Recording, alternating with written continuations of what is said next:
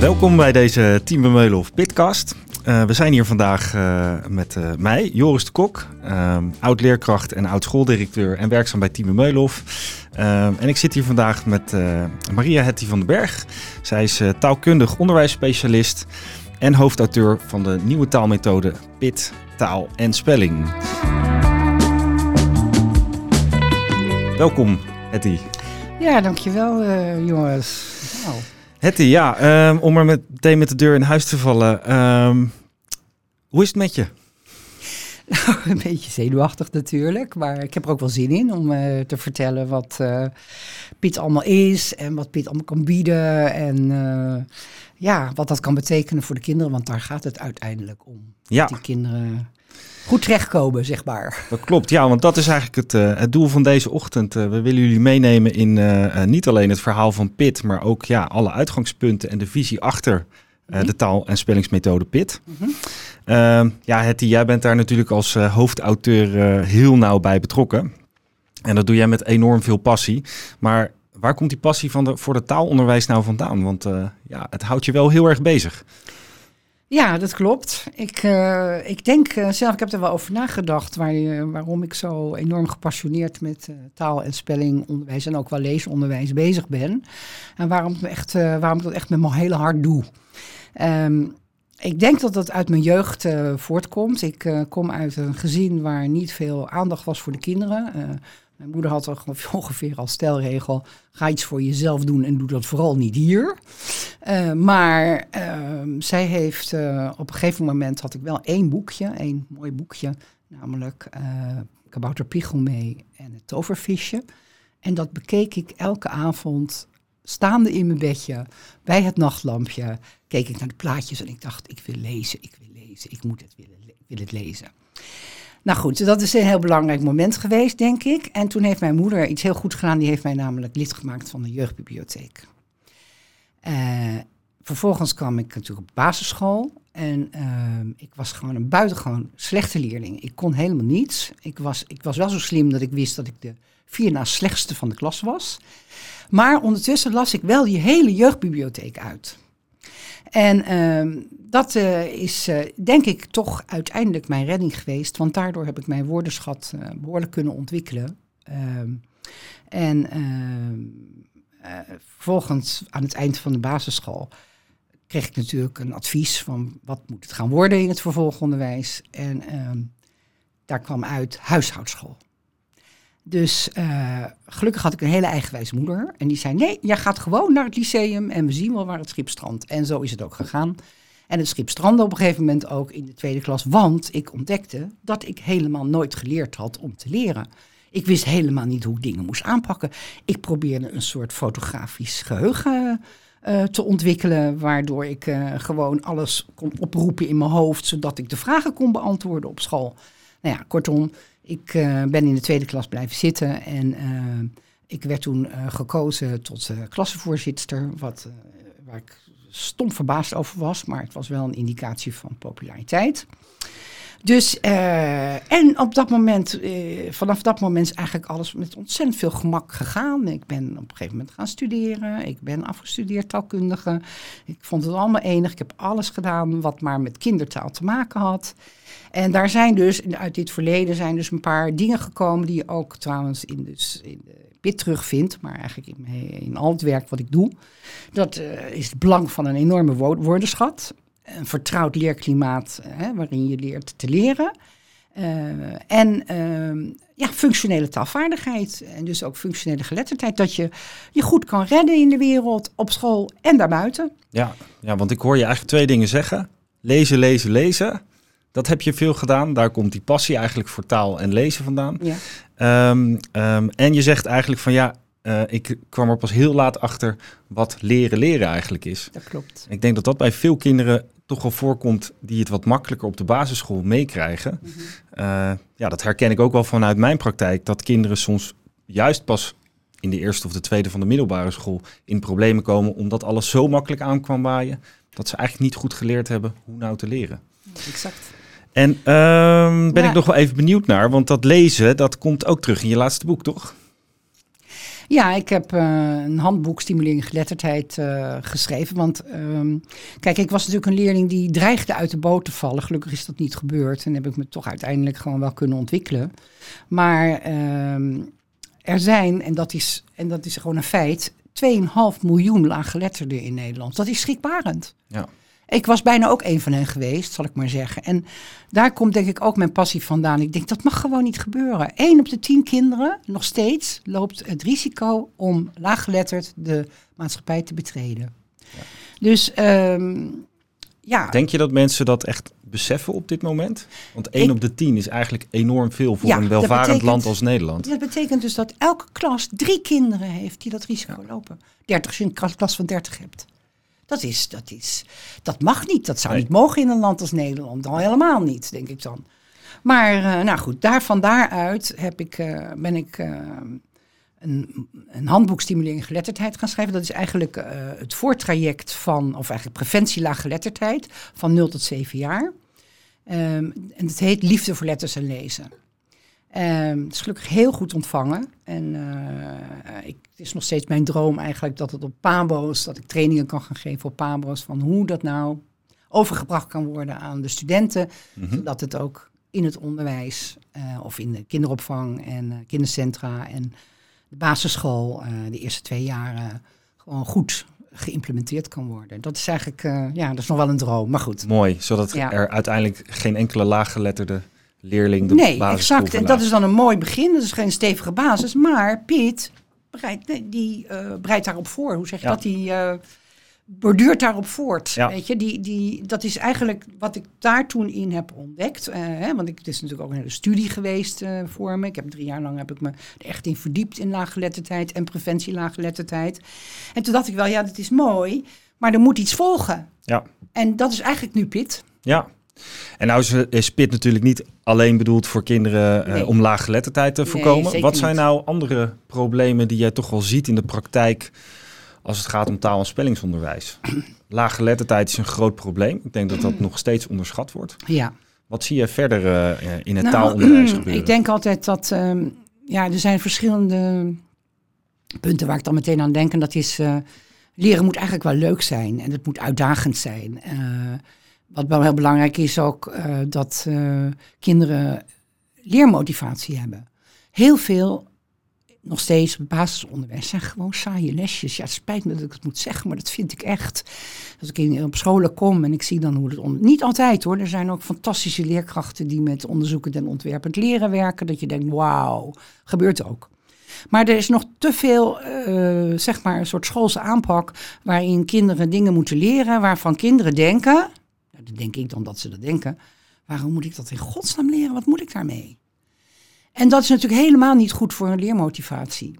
Nee. En dat is ook iets wat we in PIT, uh, vind ik, heel goed aanpakken. En zeg je daarmee eigenlijk van, nou, kinderen die, uh, als ze niet weten waarom ze iets moeten leren, dan zullen ze het ook niet leren? Ja, dat zou je kunnen zeggen. In ieder geval blijft het dan niet hangen. Ja. Dat is dan, dan leren ze, dan, dan is het een extensieke uh, motivatie. Want de juf wil het, de moeder wil het, weet ik veel. Ja. En vanuit huis wordt het verwacht. Het zijn uh, omgevingseisen, zal ik maar zeggen. En, uh, en wat je natuurlijk wil, is een intrinsieke motivatie. Dat die kinderen gewoon ja, het graag willen leren. Omdat ze zien dat ze er iets aan hebben. En, en omdat ze het leuk vinden om het te leren. Ja, Hey, en je noemde het al een paar keer, uh, PIT, de nieuwe taalspellingsmethode van Timo Meulhof. Um, jij bent de hoofdauteur. Wat betekent dat eigenlijk, hoofdauteur van een lesmethode? Ja, dat, uh, dat houdt wel veel in. Ik vind het ook wel een grote verantwoordelijkheid. Maar ik vind het ook een ontzettend leuke uitdaging om uh, alle gesignaleerde problemen die er in het onderwijs zijn, om die zeg maar inhoudelijk zijn, om die op te lossen in een nieuw concept. Dus dat is wat ik vooral doe. Ik ontwikkel een uh, heel concept voor een nieuwe taal- en spellingmethode. En uh, vervolgens uh, kijk, ik, ja, kijk ik wat er allemaal in moet, zal ik maar zeggen. Dus welke concretisering er nodig is om, om alles wat je wil in het onderwijs, om zeg maar prachtig onderwijs te bieden aan, aan kinderen op de basisschool. Ehm, ja, om dat dus te concretiseren in echt materiaal. Dus hè, hoe gaat het eruit zien? Is het software? Is het leerlingen? Nou, dus als dat eenmaal duidelijk is, dan maak ik een format. Dat betekent uh, van, nou, hoe gaan die lessen in, concreto eruit zien? Uh, hoe, wordt het opgebouwd? Uh, waar moeten we aan denken? Welke leerlijn? Welke leerdoelen? hoe worden die leerdoelen geconcretiseerd? Hoe is de feedback? Hoe is de reflectie? Allemaal dat soort zaken. Nou, en die komen dan in het format voor de auteurs. En zo'n auteursgroep die kan daarmee dan aan de slag. En dan meestal dan gaat alles nog een keertje langs mij om te kijken of de kwaliteit, ik ben dan een soort kwaliteitsbewaker, om te kijken of die kwaliteit echt uh, top is. Ja, ja. En als kinderen nu uiteindelijk uh, dat boekje wat dan gemaakt wordt in hun handen krijgen, of misschien met de software aan de slag gaan, of op het digibord de les volgen van de leerkracht, wat hoop je dan dat kinderen ervaren, zien, vinden? Ja, je hoopt natuurlijk op enthousiaste kinderen. Dat is het gewoon. En uh, dat vind ik ook zo mooi van Pit. Pit heeft uh, kernmateriaal, maar we hebben ook de, de Pit-projecten. En, uh, en dat heb ik uh, toen ik met zeg maar dat voortraject bezig was, met die preventie laaggeletterdheid, heb ik altijd gedacht, oh, wat zou dat mooi zijn als we in, in de basisschool ook iets met onderzoekend en sorry, onderzoekend en ontwerpend leren konden doen met taal en met spelling. En, uh, en dat gaat nu werkelijkheid worden. Dus in, uh, in de PIT-projecten. Daar hebben we onderzoekend en ontwerpend leren dus als uitgangspunt uh, genomen. En ik denk dat dat een fantastische manier van onderwijs geven ook is. Nou, wat, ik, wat, ik hoor, wat ik hoor eigenlijk en wat ik zo leuk vind aan wat je zegt... is dat ehm, je noemt niet dat kinderen de doelen halen... of dat kinderen ehm, goed de basisschool verlaat, want dat weten we, dat moet gebeuren. Maar wat ik eigenlijk zo mooi vind is dat jij zegt van ja, maar het leren kan ook heel leuk zijn. En op het moment dat het leuk wordt en dat je kinderen er plezier in hebben en weten waarom ze dingen leren met een doel, uh, uh, dan leren ze eigenlijk veel meer dan wanneer we alleen maar focussen op die doelen en wat ze moeten weten. Absoluut, daar ben ja. ik uh, van overtuigd. Als, Mooi om te als, horen. Uh, kijk, weet je, ik, ik ben ook uh, kleuterleidster van huis uit geweest. Niet zo lang, maar toch. En um, ik heb één ding geleerd. Uh, als het niet leuk is, dan hangen ze in de gordijnen. Zal ik maar even kort door de bocht zeggen. Want ik heb op woonwagenkampscholen gewerkt. Ik heb uh, in achterstandswijken gestaan. En uh, nou, dat was heel, heel kritisch publiek. Maar dat heeft mij wel de ogen geopend. Dat kinderen leren graag. Kinderen zijn leergierig. Het zijn onderzoekers, hè, daarom is onderzoekend uh, leren ook zo fantastisch. En ze maken graag dingen, dus ontwerpend leren is ook fantastisch. Maar dat houdt niet op uh, na die groep 1, 2. Dat gaat gewoon door. En daar wordt in het, uh, in het onderwijs, naar mijn idee, gewoon eigenlijk veel te weinig gebruik van gemaakt. Ja. Van dat ja. enthousiasme natuurlijk haal je dingen, dat geldt voor ons ook voor volwassenen, dat je als het leuk is om iets te leren, nou dan leer je het eerder en makkelijker dan, dan dat je gewoon moet gaan zitten en rijtjes uit je hoofd moet gaan leren of zo. Uh, ja, PIT taal. Er zijn natuurlijk wel meer taalmethodes op de markt, maar wat maakt PIT nou zo uniek?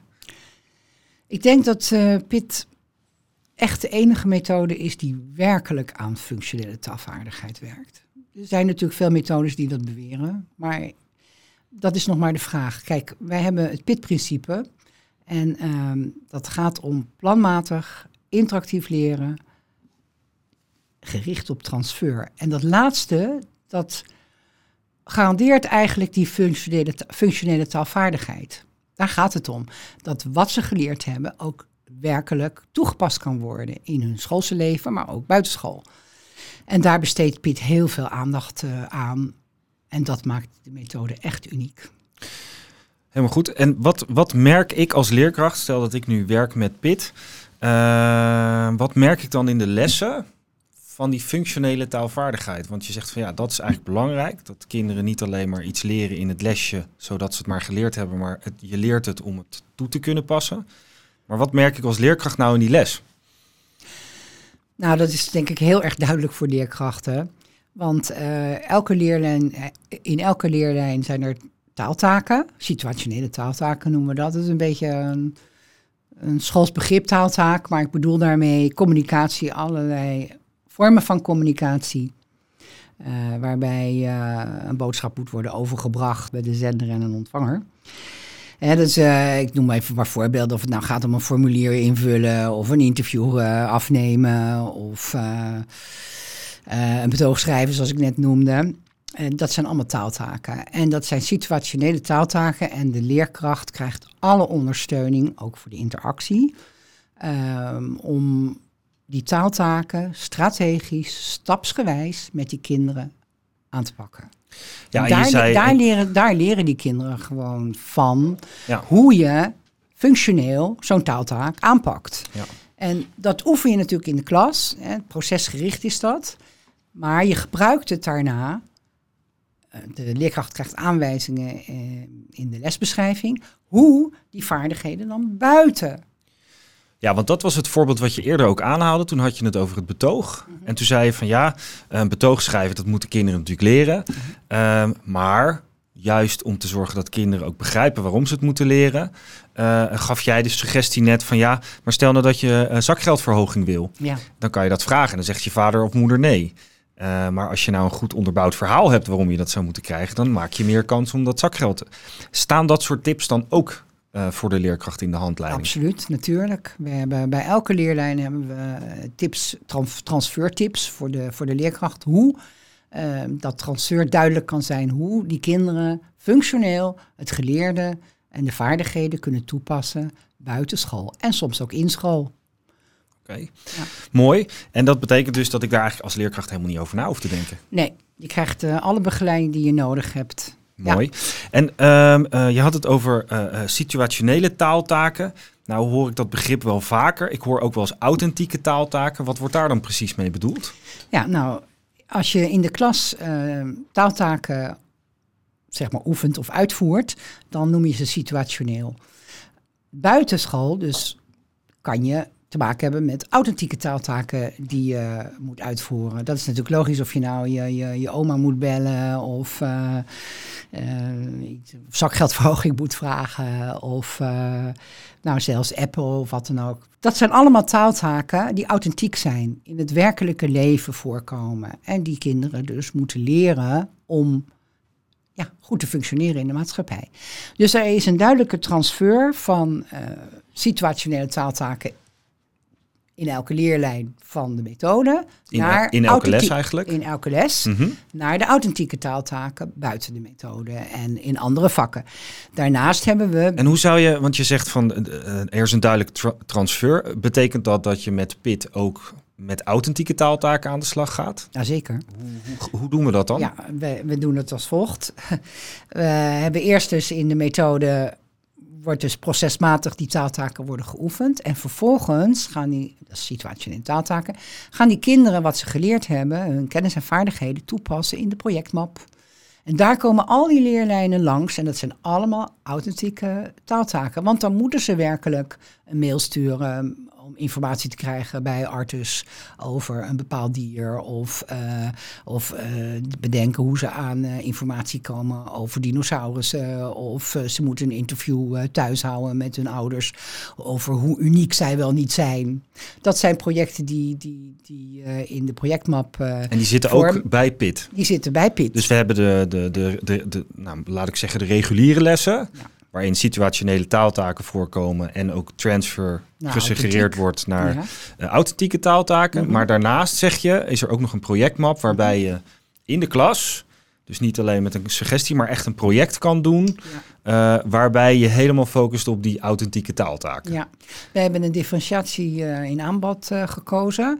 Er zijn ehm, twee lessen per, per, per blok. eh, dat is herhaling en zeg maar onderhoud van de lesstof van wat je geleerd hebt. Dat Mhm. is vooral gericht op, eh, of dat is gericht op woordenschat en eh, taalverkennen. Vooral woord- en zinsbouw, grammatica. Ehm, maar je kunt ervoor kiezen als leerkracht om die lessen te vervangen voor de projectmap. En daarmee hebben we een fantastisch aanbod. Want het kan op maat, zeg maar, afhankelijk van, van, van de kinderen, van wat ze nodig hebben, kan je je aanbod daarop aanpassen. Ja, ja. En ehm, als, ik- als ik het zo even beschouw, eh, kijk, ik zie natuurlijk ook wat voor methodes er op de markt zijn. Dan eh, zie ik eigenlijk een verschil waar ik hier bij PIT zie dat je eerst eh, binnen de lessen focust op het proces van aanleren om iets te kunnen, bijvoorbeeld een betoog te schrijven. En dat je eigenlijk de transfer opzoekt met die authentieke taaltaken die in de les gesuggereerd worden, maar ook met de projecten die je zou kunnen doen die het wat groter aanpakken. Ja. En wat voor, en wat voor ehm, eh, die, die projecten gaan die dan alleen over taal? Want ik hoorde je net wat dingen noemen. Uh, uh, je, je... Nee, is een, ook gekozen voor een duidelijke link met de zaakvakken. Dus we hebben eigenlijk in elk leerjaar hebben we een project wat met geschiedenis te maken heeft, een project wat met aardrijkskunde te maken heeft. Ehm, bijvoorbeeld geschiedenis gaat over een historische figuur. Er is een duidelijke link trouwens met de samenhang die in de blok, uh, in de kernstof uh, aan de orde is. Uh, we hebben, daar hebben we echt voor gezorgd. Wat, we willen niet dat dingen loshangend of los van elkaar worden aangeboden. Hè. We, we, kiezen heel duidelijk voor samenhang. dus het zijn weltalige projecten, waarin het eindproduct altijd een talig product is. Hè. Dat, kan, dat kan een pitch zijn, bijvoorbeeld. Uh, maar ook een tentoonstelling met elkaar maken over uh, hoe uniek iedereen is. Er zijn allerlei, ja, allerlei mogelijkheden. We besteden ook elk leerjaar aandacht aan sociaal-emotionele ontwikkeling. Vinden we ook heel erg belangrijk. Ik had het al even eerder vanuit mijn jeugd dat er niet erg veilig, prettig leerklimaat was waarin ik op ben opgegroeid. Ik vind dat heel erg belangrijk dat kinderen zich veilig en vertrouwd voelen. En zichzelf kunnen zijn, zeg maar. En daar besteden we dus ook aandacht aan. Een van die projecten is dan ook ehm, iedereen is uniek. En dat betekent dat uh, je eigenlijk ook, wat je zegt, wereldoriëntatie, uh, sociaal-emotioneel. Uh, en die komen dus allemaal in die projecten, komt dat samen met eh, taal. En gaan de kinderen daar dus mee aan de slag. En dan maken ze een eindproduct. En ik begrijp, als ik je goed luister, is dat dus niet een toets, maar dat is altijd een eindproduct. Uh, uh, nou, dat kan een tentoonstelling zijn, of uh, een, een, brief, of een interview, of ja. wat dan ook. Ja, dat klopt. Okay. En, en, in hun weg naar de, het eindproduct komen allerlei authentieke taaltaken dus langs die ze zullen moeten doen om dat eindproduct te verwezenlijken. En daarin kunnen ze al hun geleerde kennis en vaardigheden, zeg maar, kwijt, zou je kunnen zeggen. Maar ik bedoel, toepassen. toepassen. Ja, ja, ja, ja. Functionele taalvaardigheid Juist. die je dan uh, gebruikt. Juist, exact. En uh, eerder had je het over de um, 21e eeuwse vaardigheden, digitale geletterdheid. Ja, die komen natuurlijk in de projectmap ook heel erg goed uit de verf. Die, die, want de kinderen moeten natuurlijk samenwerken. nou, om ook een voorbeeldje te noemen. In de kernstof leren ze bij spreken en luisteren een rolverdeling te maken als ze moeten samenwerken. Hè. Je hebt dus een voorzitter, een tijdsbewaker, een, een, een aanmoediger. Nou ja. Dus iedereen heeft een eigen rol. Je, je, je, en er zitten bepaalde taken bij die rol. Dat kunnen ze in de projectmap, als ze samen moeten werken, ook weer toepassen. Dus dan moeten ze dat eigenlijk uit zichzelf doen, omdat het handig is, omdat het efficiënt is om op die manier samen te werken. Ja. Ja. Of een gesprek te voeren met een bepaald doel. En uh, nog even gewoon praktisch, zeg maar. Ik weet dat uh, uh, projecten altijd heel veel vragen van leerkrachten. Ehm, hoe zit dat bij PIT? Want ja, ik heb zelf ook wel wat projecten moeten doen, projectweken en dergelijke met klassen. Superleuk, maar ook wel intensief voor de leerkracht. Hoe is dat bij PIT? Nou, wij geven voor de leerkracht... Kijk, de leerkracht is in zo'n project, omdat het ook vanuit onderzoek en ontwerpend leren is, is de leerkracht vooral een coach. Die begeleidt die uh, kinderen en wij begeleiden de leerkracht, zo zou je het kunnen zeggen. Dus dat is uh, volgens mij geen enkel probleem. Het verhoogt ook niet de werkdruk naar mijn idee, want we letten ontzettend op dat de materialen er gewoon voorhanden zijn. Dus we komen niet met hele ingewikkelde dingen dat je denkt, oh god, ik moet een week van tevoren dingen moeten gaan verzamelen of zo. Nee, we houden het gewoon simpel en werken met materiaal wat gewoon op elke school uh, bij iedereen thuis, bij wijze van spreken, voorhanden is. Dus, dus het is gewoon heel praktisch.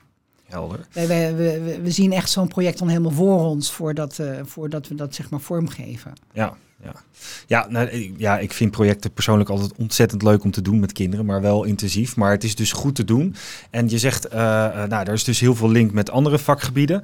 Uh, weet ik dat dan ook? Uh, weet ik aan welke doelen ik dan heb gewerkt als ik zo'n project doe? Want ik weet dat ik aan bepaalde taaldoelen werk, maar weet ik bijvoorbeeld ook aan welke wereldoriëntatiedoelen ik ja, werk? Ja, die zijn ook opgenomen. Dus dat kan precies... ik zo teruglezen? Ja, okay. dat kan je zo okay. En dat zou zelfs kunnen betekenen dat ik misschien bepaalde lessen van wereldoriëntatie niet meer hoef te doen?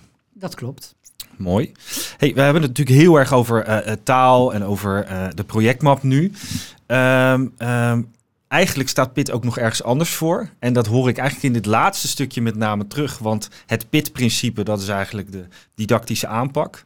Maar PIT staat ook nog voor wat anders. Ja, absoluut. Staat voor plezier in taal. Ja, Ja. En, en waarom plezier in taal? Nou ja, dat zei ik eigenlijk in het begin al. Eh, als je niet met plezier leert, dan leer je volgens mij niet werkelijk. Het blijft niet hangen. Het, eh, en dat zie je ook trouwens eh, in het rapport van de staat van onderwijs. Dan zie je het resultaat dat kinderen taal en spelling helemaal verliezen ergens op de middelbare school. Wat ze geleerd hebben, dat beklijft niet. Dat wordt letterlijk zo gezegd. En dat komt naar mijn idee omdat er geen intrinsieke leermotivatie. En waarom is dat er niet? Omdat ze niet weten waarom ze het moeten leren, maar ook omdat ze het gewoon niet leuk vinden Ja. omdat ze het, het wordt van bovenaf opgelegd, zeg, of van buiten zeg maar opgelegd. En dat is gewoon ontzettend jammer. Gemiste kans. Eh, dus vooral plezier in taal. Met eh, functionaliteit eh, hoog in het vaandel. Dat is het eigenlijk. Mooi, mooi. Ja, het doet me heel erg denken aan dat ik altijd lessen had als ik voor de klas stond, die heel leuk zijn om te geven, omdat kinderen hem leuk vinden. En er waren altijd lessen die vond ik helemaal niet leuk om te geven, omdat ik zo ontzettend veel moeite moest doen om de kinderen erbij te houden. Maar dat is dus eigenlijk wat je zegt. De leerkracht hoeft niet zoveel moeite te doen, omdat we zoveel mogelijk werken met leuk en plezierig lesmateriaal waar kinderen enthousiast Nou, worden. bijvoorbeeld de woord- en zinsbouw, om eventjes... hè, eh, dat zit in taalverkennen, is een belangrijk onderdeel natuurlijk van taalverkennen. is niet alleen het enige onderdeel hoor. Er zijn eh, ook de reflectie in taal van taaltaken valt bijvoorbeeld onder taalverkennen. Maar eh woord- en zinsbouw bijvoorbeeld. Nou, vinden kinderen dat leuk? Nou, over het algemeen vinden ze dat niet zo leuk. Maar bij PIT hebben we hele leuke instructiefilmpjes... waarin die eh, benoeming eh, en de ontleding eh, duidelijk wordt gemaakt... Bovendien wordt, wordt voor hen duidelijk waarom ze dat moeten leren. Hè, ehm, eh, ontleden en eh, nou, vooral taalkundig benoemen is ontzettend belangrijk om een andere taal te leren. Kinderen hebben vaak Engels op, op, de, op de basisschool, dus je kunt mooi die link leggen naar het Engels, weer transfer. En dan denken ze, oh, daarom moet ik dat leren. En dat is gewoon heel belangrijk. Dat dat, oh, oh, die Ja. aha-erlevenis, Ja, dat ja, die er komt. Ja. Het liefst zo vaak mogelijk. En het liefst zo vaak mogelijk. dus we doen er alles aan om dat zo vaak mogelijk te bereiken. Nou was me nog één ding opgevallen voordat we naar eh, spelling eh, gaan kijken. Maar eh, het viel me op dat er ook lezen in de methode terugkomt. Kun je daar iets meer over vertellen? Waarom zit er, want is het nou een taalmethode of een leesmethode denk ik dan? Er zit lezen in de methode. Ja, het is een taal, taalmethode, geen taallezen. Het is geen geïntegreerde methode. Ehm, ja, lezen mag natuurlijk niet ontbreken als je het over functioneel taalvaardigheid hebt. Dat kan natuurlijk niet. Dat is Nee. onmogelijk. En bovendien hebben we eh, lezen ook nodig als eh, zeg maar context voor woordenschat. We gaan geen woorden één voor één zo aanleren, zo uit de blauwe hinein. Dat, we doen dat natuurlijk volgens een bepaalde didactiek, een woordenschatdidactiek. En ehm, ah, voor de zeg maar spontane woordenschatuitbreiding is het ontzettend belangrijk dat leerlingen een woord-leerattitude krijgen. Eh, en dat kan alleen maar als je ze laat zien hoe je woorden, zeg maar, de betekenis, hoe je de betekenis van woorden kunt, zelfstandig kunt afleiden. Dus dat is een heel belangrijk onderdeel van PIT. En dat is zit voor woordenschat zit dus eh, bij luisteren, maar ook bij lezen. Oké, Dus, dus je zegt eigenlijk van ja, los van dat kinderen de betekenis van woorden moeten leren, is het eigenlijk veel belangrijker dat kinderen leren hoe ze de betekenis uit een luistertekst of uit een, een, een- tekst op papier kunnen halen. Ja, het is heel belangrijk dat kinderen, als, als je ze functioneel taalvaardig eh, wil maken, dan moeten ze natuurlijk de, wat wij eh, noemen de, het communicatief effect van zo'n tekst, of het nou een luistertekst is of een leestekst, moeten ze natuurlijk snel kunnen oppikken. Van wat is het doel van die tekst? Ja. Want daar, dat is natuurlijk functioneel taalvaardig. Als je, eh, als je niet weet wat het doel van die tekst is, Ja, hè, dan, ja. dan kan je moeilijk functioneel taalvaardig zijn. Ja, hè? ja. en het is grappig is dat ik doel van een tekst wordt heel vaak bij begrijpend leeslessen gevraagd. Maar het is natuurlijk, je, zegt, je geeft eigenlijk aan van ja, maar dat is bij taal net zo belangrijk. Want Ja. als je een tekst krijgt waar je het doel niet van weet. Maar het gaat er dus om dat wij eh, lezen, hè, als je het eh, als taaltaak ziet, echt op macroniveau eh, Ja. benaderen. En het betekent niet dat we niet eens een keer inzoomen op een alinea, want dat hebben we gewoon ook nodig voor de context van een bepaald onbekend woord, om te zien hoe kom je nou aan de betekenis van het onbekende woord. Hè, dus wij zijn heel strategisch in, in, in PIT. Hè. Voor woordenschat bijvoorbeeld hebben we woordleerstrategieën, die zijn het belangrijkste. Maar we hebben ook on- woordonthoudstrategieën. En eh, we hebben eh, woordopzoekstrategieën. Daardoor kan die leerling ook buiten die methode zelfstandig, door die, die handreikingen die we geven, door dat gereedschapskistje, zal ik maar zeggen, wat we voor woordenschap a- schat aanreiken, kan die leerling zelfstandig zijn woordenschat uitbreiden. Ik, ik vind woordenschat ontzettend belangrijk. Wo- Woordenschat is het paspoort eh, voor het land der kennis. Ja. Daar gaat het gewoon om. mooi gezegd. Het Dank je. paspoort voor het land der kennis. Ja, Eh, maar eigenlijk zeg je ook van ja, leer niet alleen kinderen de betekenis van woorden aan, maar leer kinderen hoe ze eh, nieuwe te woorden leren. zelf. Leren te leren. Daar leren te gaat leren, het steeds ja. om. Mooi. Leren te leren. Ja, ja. Dat is waar ik ook mee Is dat het probleem, denk je, van überhaupt in onderwijsland dat we kinderen te veel betuttelen en te veel bezig Ja, zijn om. Ik, ik, weet je wat het is? Wat ik heel erg zie in veel methodes, en dat vind ik heel erg. Kinderen krijgen zogenaamde oefenstof. En dan maken ze dat en dan maken ze het en ze maken het. En die kinderen doen ontzettend hun best, maar het is allemaal toetsend. Je leert er niks van.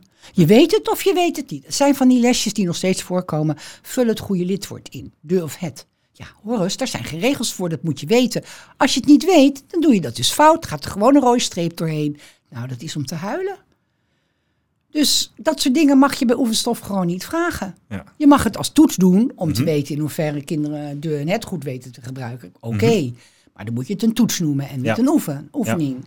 Begrijp je? En dat is, ik geef dit voorbeeld nu even omdat het zo helder is, maar dat komt eigenlijk met van alles en nog wat voor. en in de meeste zou, methoden. en zou je aan kunnen geven hoe, hoe, hoe dat dan in PIT anders gaat? Want je zegt van ja, zo'n invoeroefening is eigenlijk heel erg toetsend van karakter. Eh, hoe, hoe, hoe oefen je dat dan wel goed en hoe oefen je dat dan bij PIT? Nou, wij geven natuurlijk toch ook al heel veel weg. Hè? eh, waardoor die kinderen ook iets echt daadwerkelijk van die oefening leren.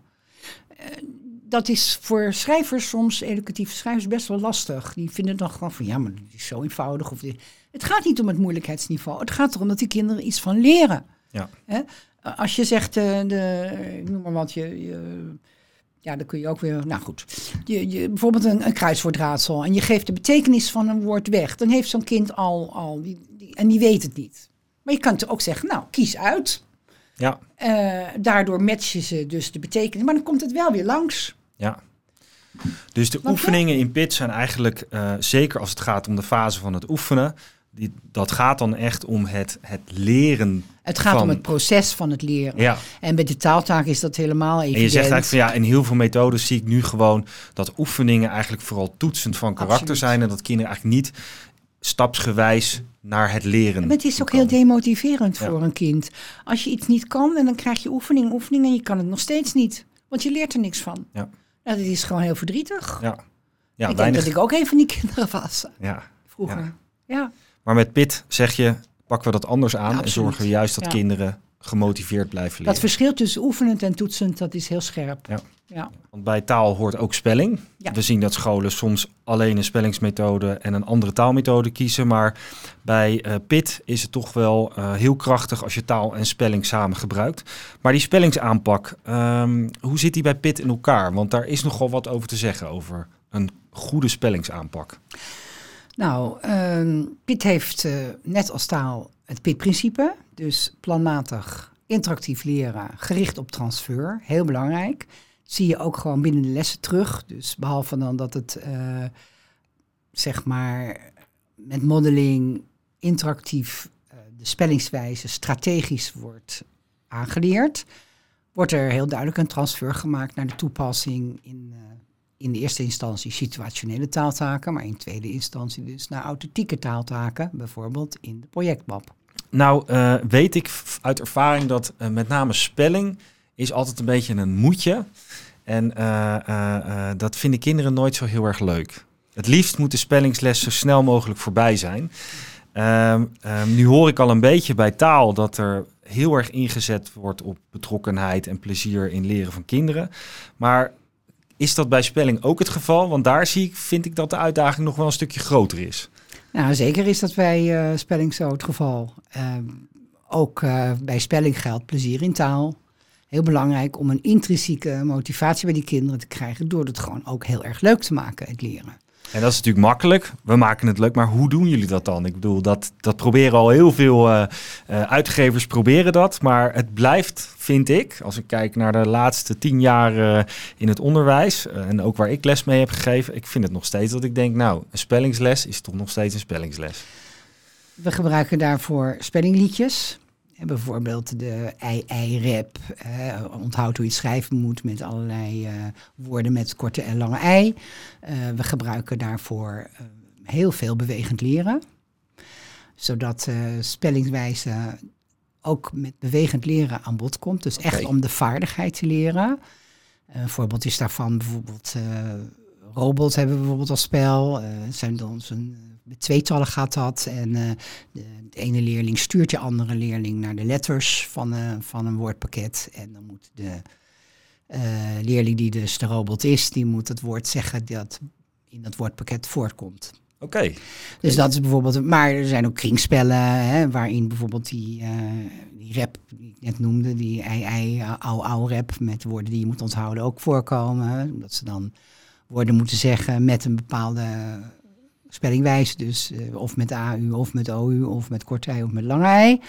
En daar, uh, nou, daar hebben we ook een spel van gemaakt. Maar er zijn dus buitenspellen, maar er zijn ook spellen in de klas. Spelender, spelenderwijs leren is naar mijn idee gewoon, ja, dat is, dat, dat is kind eigen. Uh, kinderen spelen graag. En leren ook tijdens en, het spelen. En ook in hogere groepen dus. En Want ook in hogere vaak groepen. dat het alleen bij jonge Ik kinderen speel hoort. ook nog steeds graag. Ja. Dus Ja. wie, wie niet? Het spel is gewoon leuk. En als je daar dan heel veel van kan leren en je weet het zo eh, te ontwerpen dat het echt toegericht is, dan is het dé manier naar mijn idee om te, om te leren. Ja. En stilzitten in een bankje, ja, ik, vind- ik heb, ik, dat is ook een van de dingen waarvan ik denk, wat zou ik dat graag een keer veranderen. Die overgang van, hè, van, van, van kleuteronderwijs naar, naar de basis, naar de lagere school.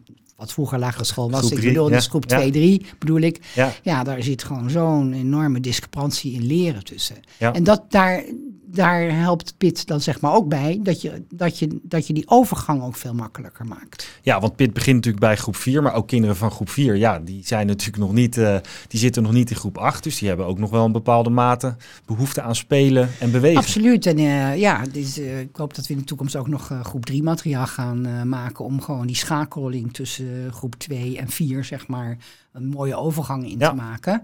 Ja. Maar dat vind ik dus schrijnend, dat kinderen vaak opeens in groep 3 moeten ze opeens leren lezen en schrijven. En dan zitten ze de hele tijd in het bankje en dan moeten ze maar oefenen. Ja, Ik vind, het, ik vind het heel triest. Maar goed, En is dat dan zeg maar, want we hebben het nu over spelling, maar eh, wordt dat bij taal dan ook toegepast? Want de, taal, de taalles is vaak nog wat langer. eh. Ja, taal heeft ook eh, bewegend leren. Elke week zit er iets met bewegend leren Oké. van een bepaalde leerlijn in. Ja. Kijk, mooi. Ja. Oké, en eh, nu hoor ik ook wel heel veel scholen als het gaat om, om spelling. wat ik veel terug hoor is ook klankgebaren. Het gebruik van klankgebaren. ja, van, Eh, van José Schraven. Ja, Ja, is, eh, ja dat is, eh, hoe, hoe, is een hot item, zou ik hoe, hoe kijk je daar tegenaan?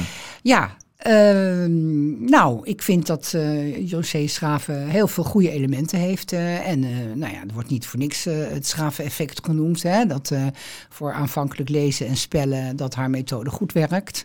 Mhm. Zij zegt ook dat het naast leesmethode en spellingmethode gewoon inzetbaar is. Wij doen dat dus ook. We gebruiken al, we gaan, we bieden klankgebaren filmpjes, zodat Mhm. die gebruikt kunnen worden in de, in de, in de klas eh, als ondersteuning voor eh, kinderen die dat nog nodig hebben aan het begin van groep 4.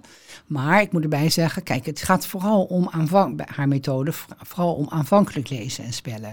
En wij starten natuurlijk in groep 4. We gaan er eigenlijk vanuit dat dat, dat dat stadium voorbij is, dat dat gewoon beheerst wordt. Ja. Maar desalniettemin bieden we dus wel die eh, filmpjes van die klankgebaren. En we gebruiken ook haar eh, hak-en-plak eh, methode.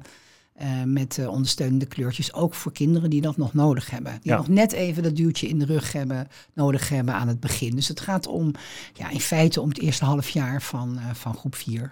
En dan zou het eigenlijk echt wel... Ja, en dan is het wel klaar, ja. Ehm, ja, nou, volgens mij hebben we wel heel veel behandeld. Maar er is één ding wat mij toch wel altijd bijblijft. Is ik heb zelf heel veel groep 7 en 8 gedaan. Ja, en wat is er nou met name belangrijk in groep 7 en 8? De werkwoordspelling.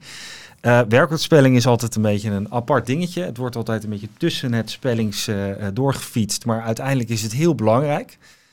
Uh, ik weet niet hoe jij dat ervaart, maar ik zie nog steeds, zelfs in de dagelijkse praktijk, mensen die er moeite mee hebben om een werkwoord goed te spellen. Oh, ja. Ik zie je al kijken, dat herken je. Ja, en daar kan jij je druk om maken. Hè? Nou zeg, hoeveel fouten er wel niet worden gemaakt. Ik geloof, het ergste was wel toen ik, uh, toen ik op internet zag staan... Uh, wat betekent laaggeletterdheid met een D? Ja, en er ging een heel betoog over laagletter. Dat vond ik dus, nou ja, goed, dat is even een voorbeeldje. Ja, um, ja nee, werkwoordspelling, dat heeft ook mijn hart. En um, wat ik zie in het onderwijs is dat kinderen oefenen, oefenen, oefenen, oefenen. En elke keer krijgen ze een klein stukje van het werkwoord spellingsschema, zou je kunnen zeggen. Dus uh, eerste persoonsvorm oefenen, dan en, dan, en elke keer krijgen ze een stukje wat ze moeten oefenen. En het is maar oefenen, oefenen, oefenen. Ook weer toetsend trouwens eigenlijk, mm min of meer. Nou, en dan, en dan wat er dan gebeurt is, ze raken helemaal in de war. Want dan krijgen ze iets gewoon uh, in tekst en dan soms moeten ze wel dingen ook nog wel combineren. Dan worden dingen ook wel herhaald. Ik wil ook niet zeggen dat het allemaal verkeerd is, maar het resultaat is duidelijk. Op de middelbare school kunnen ze het niet. En uh, in de maatschappij kunnen ze het ook niet. Heel vaak kunnen ze het niet. Nou, ik heb op een gegeven moment zelf een soort persoonlijk proefje gedaan. Ik heb een paar kinderen uh, die heel veel spellingsproblemen hadden op school. Op de, in groep 7 zaten ze allemaal. Dat één zwaar dyslectisch kind uh, bij. Nou heeft dat niet zoveel met spelling te maken hoor, maar toch. En, en toen waren ze allemaal, alle, alle vier dus echt ondermaat. Toen heb ik, een, heb ik een schema gemaakt, een spel gemaakt ganzenbordspel gemaakt. Um, en daarmee uitgeprobeerd, waardoor ze dus een overzicht hadden van alle categorieën. Ik heb ze hadden natuurlijk wel de terminologie, moesten ze natuurlijk wel kennen. Nou, om een kort verhaal lang te maken, pardon, om een lang verhaal kort te maken, sorry, uh, kwam het erop neer. We hebben 2,5 uur denk ik gespeeld. En daarna heb ik, dat is natuurlijk een korte termijn uh, opbrengst, maar daarna heb ik de toetsen van groep 8 afgenomen, de CITO-toetsen. Mhm. Nou, foutloos. Hm. Wat heb ik toen gedaan? Heb ik gezegd, jongens, hier is dat schema.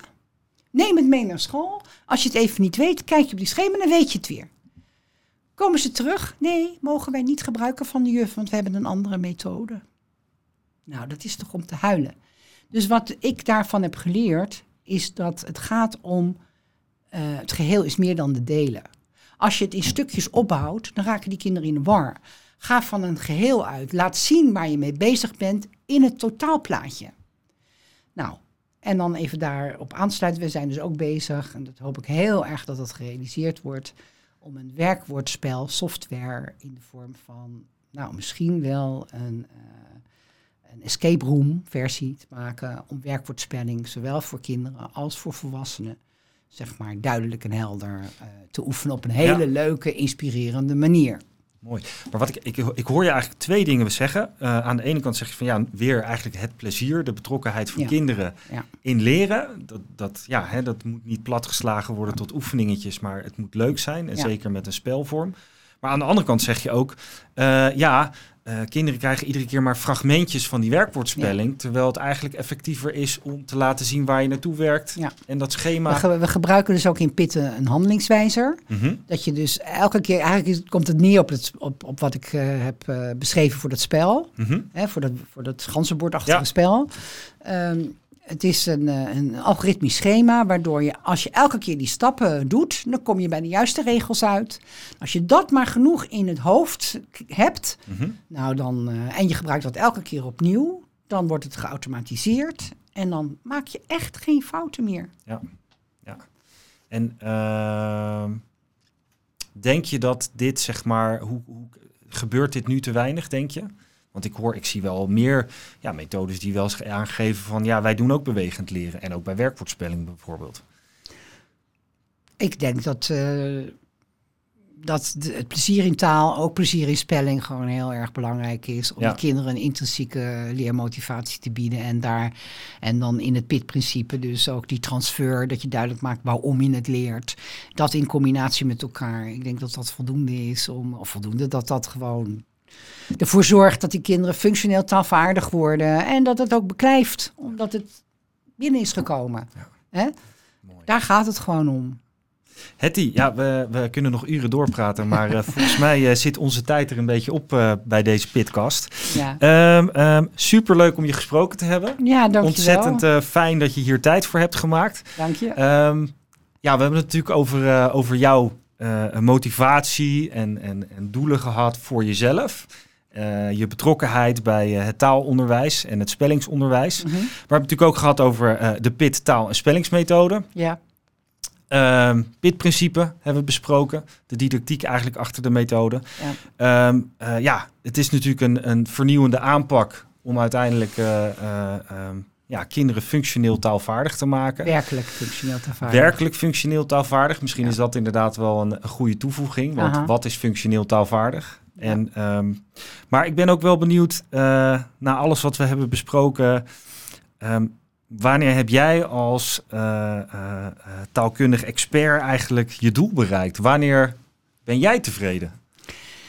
Nou, ik denk dat, dat, dat dat zit op veel vlakken, maar mijn eisen, eisen mijn, mijn missie is dan erg hoog gegrepen. En het, uiteindelijk ja, gaat het niet om dat ik dat doel echt bereik, maar ik weet wel wat, wat welke richting het op zou moeten gaan. Namelijk dat laaggeletterdheid uitgewonnen wordt met de nieuwe generatie, dat je er echt werkelijk voor zorgt dat, die kinderen niet, dat er geen kinderen meer laaggeletterd worden. Eén op de tien kinderen zijn. Op de tien kinderen loopt dat risico, maar dat dat risico dus daar tot het minimum uh, terug wordt gebracht.